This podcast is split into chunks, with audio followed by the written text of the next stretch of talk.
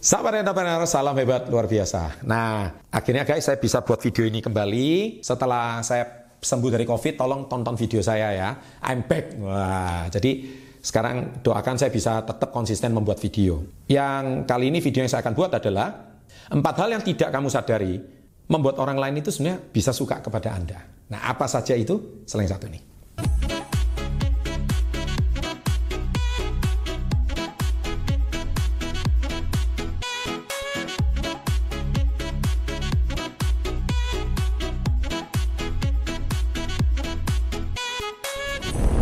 Nah, guys, sebetulnya ini ada empat kebiasaan baik ya. Menurut saya, ini sepele. Kamu sadar atau tidak sadar, ini sebetulnya teknik membangun hubungan yang baik untuk kamu itu bisa membangun hubungan dengan relasi, dengan calon pacar mungkin, dengan calon customer, dengan calon mertua, dengan siapa pun. Teknik ini bisa kamu gunakan, tapi harus tulus. Kamu bisa pelajari semua teknik, tapi kalau kamu tidak praktekkan dan tidak secara tulus, besar kemungkinan kamu tidak bisa menerapkan tips ini dengan luar biasa. Tapi kalau kamu lakukan tips ini dengan benar, saya jamin orang itu akan suka dan jatuh cinta pada Anda. Apa saja? Yang pertama, ucapkan terima kasih. Terima kasih itu mungkin Anda sudah tahu. Tapi habit ini harus dibangun. Sekecil apa pun orang memberikan Anda sebuah apresiasi, kamu ucapkan terima kasih. Kamu disuguhi teh, jangan lupa ucapkan terima kasih. Kamu masukkan masuk ke rumah orang, terima kasih Bu sudah diperkenankan masuk. Nah, itu penting. Hal kecil, sopan santun. Saya sudah selalu bilang bahwa negara kita ini adalah negara yang dibangun berdasarkan sopan dan santun. Etika gotong royong itu merupakan semangat budaya negara kita. Tapi budaya santun ini terima kasih ini belakangan di sosmed sudah semakin hilang. Yang ada adalah kalau kalau saya perhatikan bukan di channel SP30 ya, channel SP30 ini channel orang-orang yang beredukasi ya, channel orang-orang yang uh, nih saya mau diajak berpikir positif. Tapi kalau di channel-channel, sorry, di channel-channel lain saya nggak mau bahas. Anda lihat kolom komennya, aduh, penuh dengan bahasa kebun binatang, penuh dengan bahasa yang sangat tidak berpendidikan. Kelihatan banget kayak itu kalau very low class people. So, menurut saya, efek kata berterima kasih itu sudah agak jarang zaman sekarang. Tapi itu harus kamu lakukan. Terima kasih sama istri itu juga penting. Saya kalau dimasakin sama istri, thank you ya, terima kasih ya. Kamu hari ini begitu perhatian sama saya. Padahal pernikahan kami udah hampir 15 tahun. Tapi itu efek kecil. Terima kasih itu penting. Dan itu orang merasa diapresiasi. Mungkin kamu sudah lupa. Oke, itu tips yang pertama. Yang kedua, membalas budi. Jadi percaya nggak percaya, membalas budi itu sangat penting. Karena kita ini lupa ya, bahwa Ketika setiap orang itu berbuat baik sama kita, kita nggak boleh lupakan. Guru saya pernah bercerita, kalau kamu ada orang membuat berbuat kebaikan sama kamu, meskipun dia itu cuma mentraktir kamu satu cangkir kopi, kamu tidak boleh lupakan seumur hidup. Tapi sebaliknya, ketika kamu sudah berbuat baik sama orang lain, lupakan. Apa itu maksudnya? Jadi kita tidak boleh melupakan setitik kebaikan orang lain pada kita. Nggak boleh.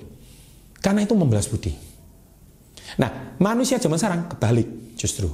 Kebanyakan justru adalah ketika orang berbuat sama kita lupa bahwa kita pernah ditolong orang, kita pernah ditraktir orang, orang pernah mentraktir kita, orang pernah membantu kita, kita lupa. Tapi kalau kita meminjamkan duit sama orang lain diingat terus umur hidup. Loh Pak, jadi maksudnya Pak Chandra kalau minjemin orang nggak usah nagih. Bukan begitu. Tapi sebaliknya, kalau kamu hari ini pernah nggak kamu ditolong orang, tapi kamu lupa mengucapkan terima kasih. Kamu lupa membalas kebaikannya. Nah, ini hal yang membuat orang lain tidak suka sama Anda. Jadi ketika orang suka sama Anda adalah jangan pernah lupakan itu. Yang ketiga, murah senyum. Saya sudah selalu tekankan, senyum itu adalah cara mendekatkan diri, membuat orang lain suka dengan cara yang paling cepat dan gratis. Pak, saya ini orangnya susah senyum. Ya dilatih. Nggak ada ceritanya, padahal setiap manusia itu pasti bisa senyum. Kenapa orang suka sama bayi? Karena bayi itu kalau tertawa dan senyum itu lucu. Nah ini kita sering kali lupa. Dan itu natural, bayi nggak ada yang mendidik, nggak ada yang, uh, loh pak bayi kan juga bisa menangis. Yes, tapi bayi juga bisa tersenyum. Bayi juga bisa tertawa. Kalau bayi tertawa betapa alangkah lucunya. Dan tahukah Anda ketika Anda sekarang sulit tersenyum itu karena lingkungan. Karena Anda mungkin dibesarkan dengan kepahitan, Anda dibesarkan dengan permasalahan, Anda dibesarkan dengan lingkungan yang keras mungkin, sehingga mungkin senyum itu seperti sebuah aib. Tapi percaya, senyum itu adalah cara termurah untuk membuat orang lain senang sama Anda. Ayo deh, kalau dua orang diem, sama-sama baik, sama-sama berduit, ini ya kalau kamu ditekan cowok ya, sama-sama sopan dan santun, tapi yang satu ini pendiam, nggak suka senyum, yang satu suka senyum. Kamu lebih suka yang mana? Bukankah hidup dengan orang yang murah senyum dan ramah dan positif itu jauh lebih menang, menyenangkan daripada hidup dengan manusia yang seperti pohon, ya, yang hidupnya itu nggak nyambung, hidupnya itu serius, hidupnya itu diam terus. Nah, kamu yang menghibur dia atau dia yang menghibur kamu? Kita harus tahu bahwa hidup itu kita harus bermanfaat untuk orang lain. Kalau kita hidup bermanfaat untuk orang lain, nih saya senyum itu salah satu obat yang paling murah. Oke? Okay?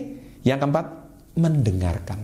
Nah ini skill penting banget. Ketika orang bicara kita listening. Jangan cut. Jangan potong.